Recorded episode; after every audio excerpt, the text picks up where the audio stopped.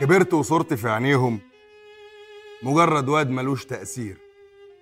وجوده عالة على أهله وقليل العقل والتفكير. هيفضل طول حياته يعيش ويستنى اللي يديله وزيه زي حيط مايل وعيل مهما يبقى كبير. يا ريتنا ما كنا خلفناك ولا قبلناك بأفعالك. يا فاشل يلي مش نافع ولا محصل ولاد خالك. كل الناس بقت أحسن ونجحت في الحياة وأنت مفيش فايدة في كلامنا معاك. هنفضل نشكي من حالك.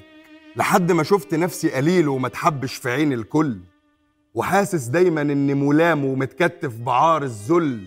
بخاف أعمل حاجات وافشل فما أعملش الحاجات لافشل وصدقت إن أنا عاجز وأنا والله زي الفل. عشت في بيت كبير يمكن. لكن ما فيهوش ونس.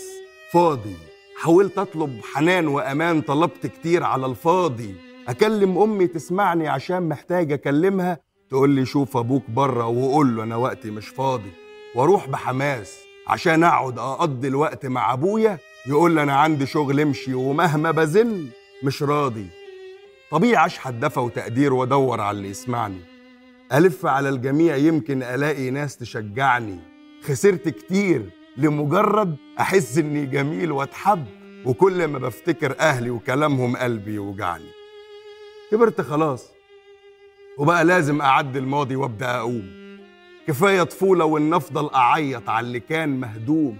أكيد مش قصدهم يمكن وبيحبوني بزيادة فمش هيفيد أعيش واقف أقول كان ليه وهاتي والوم ساعات من كتر ما بنخسر من الذكرى اللي تعبانة بننسى نشوف حاجات حلوة كتيرة لسه جوانا. ولو مش ليك هدف وكيان ما كنتش جيت على الدنيا. فقوم لم اللي متكسر وكمل سير. يا مولانا أهلك هم راس مالك وحابينك لكن أوقات يقولوا كلام تقيل يوجع وبيسيب في القلوب علامات. كلمهم بكل هدوء وقول أنا بكرة شرفكم فلو أمكن بلاش تجريح لأنه بيبقى كسر ساعات. ولو مش موجودين جنبك سامحهم وابتدي غير وما تعيش في زمان عدى وأوان قد فات.